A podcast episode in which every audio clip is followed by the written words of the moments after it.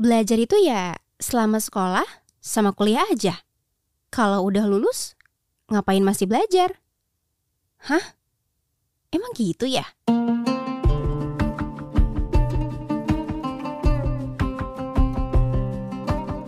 Assalamualaikum. Hai, aku Jihan. Dan ini adalah Sepertiga Malam. Podcast persembahan Kukila untuk nemenin kamu selama Ramadan. Teman-teman, pernah gak sih kalian ngerasa capek waktu belajar? Pasti pernah ya. Entah waktu sekolah atau kuliah.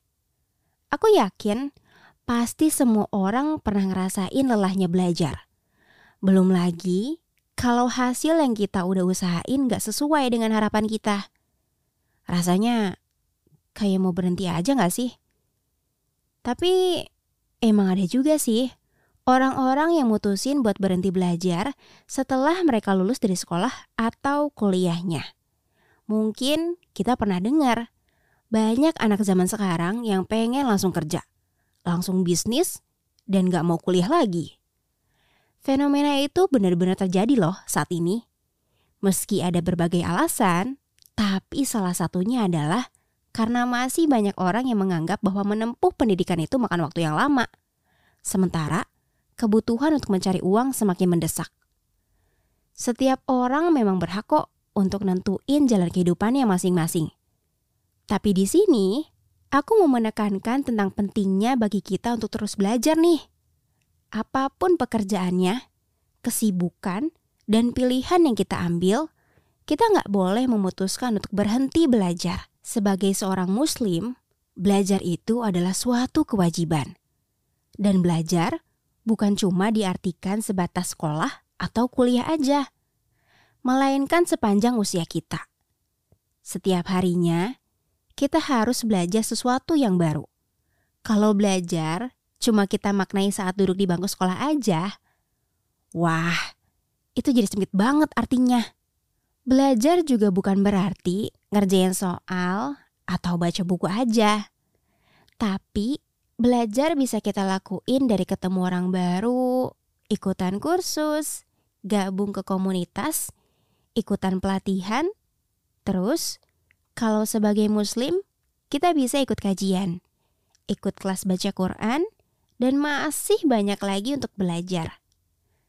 Rasulullah pun menganjurkan kita untuk gak berhenti belajar kalau memang kita menginginkan keberhasilan di dunia dan di akhirat.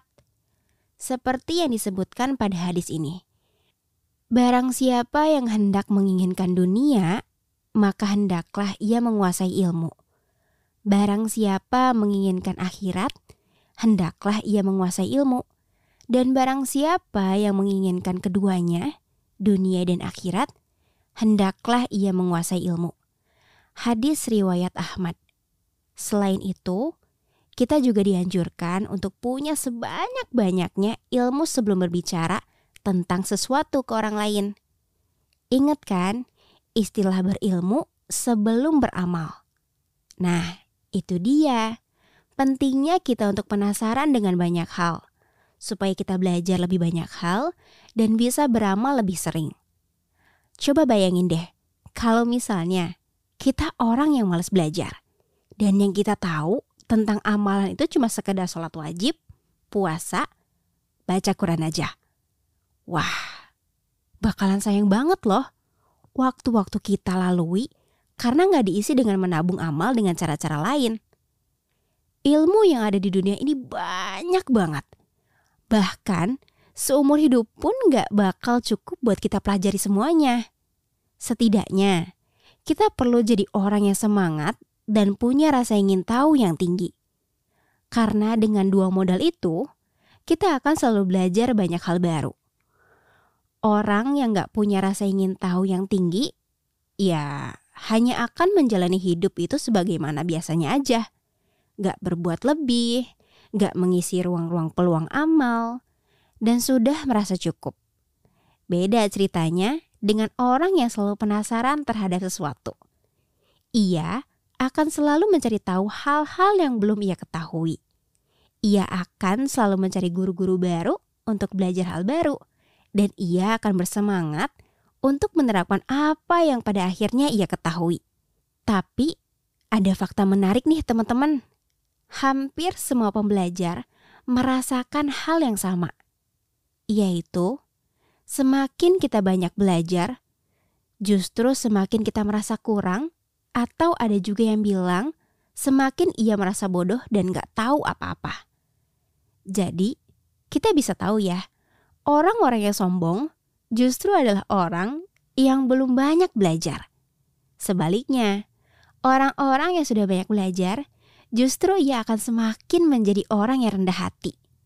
Karena ia sadar bahwa ia bukanlah siapa-siapa di antara banyaknya ilmu yang bertebaran di dunia ini. Di zaman Rasulullah, dulu ada seseorang yang dijuluki si gila ilmu pengetahuan. Dia adalah Abdullah bin Abbas, sepupu Rasulullah.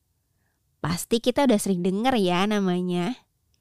Abdullah bin Abbas ini disebut oleh Umar bin Khattab sebagai pemuda yang matang. Punya lisan yang selalu suka bertanya dan hati yang cerdas. Ibnu Abbas adalah orang yang sangat semangat untuk menggali ilmu dari para sahabat Nabi.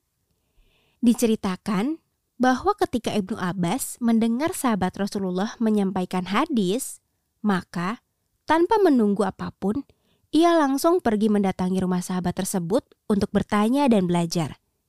Bagi Ibnu Abbas, guru adalah orang yang harus didatangi oleh calon muridnya. Guru adalah orang yang harus dikejar oleh muridnya. Ilmu harus didatangi, bukan ditunggu atau datang sendiri. Begitulah etika seorang pembelajar menurut Ibnu Abbas. Singkat cerita, setelah Ibnu Abbas mendapatkan banyak ilmu dan berbagai sumber, ia pun memutuskan untuk mengajar.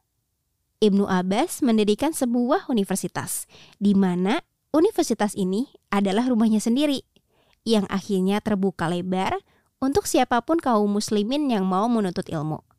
Masya Allah, keren ya? Saking terkenalnya Ibnu Abbas dengan ilmunya, universitas yang ia bangun pun selalu penuh bahkan sampai orang-orang harus berdesak-desakan untuk bisa belajar di sana. Dari Ibnu Abbas, kita jadi tahu beberapa hal nih teman-teman. Pertama, bahwa ilmu itu gak akan pernah habis. Dan kita yang harus mendatangi ilmu tersebut. Kedua, setelah kita tahu sebuah ilmu, kita harus membagikan ilmu itu ke orang lain. Bukan malah disimpan sendirian. Sebagai seorang muslim, dengan kita mempunyai ilmu yang banyak, ternyata kita juga punya peluang yang lebih besar untuk berbuat baik sekaligus menabung amalan. Dengan ilmu, ada banyak hal yang bisa kita perbuat dibanding ketika kita nggak tahu apa-apa. Jadi gimana? Masih mau malas-malasan untuk belajar? Jangan gitu ya. Oh iya, sepertiga malam mengudara setiap hari selama Ramadan. Follow dan nyalain notifikasi biar nggak ketinggalan episode selanjutnya. Assalamualaikum.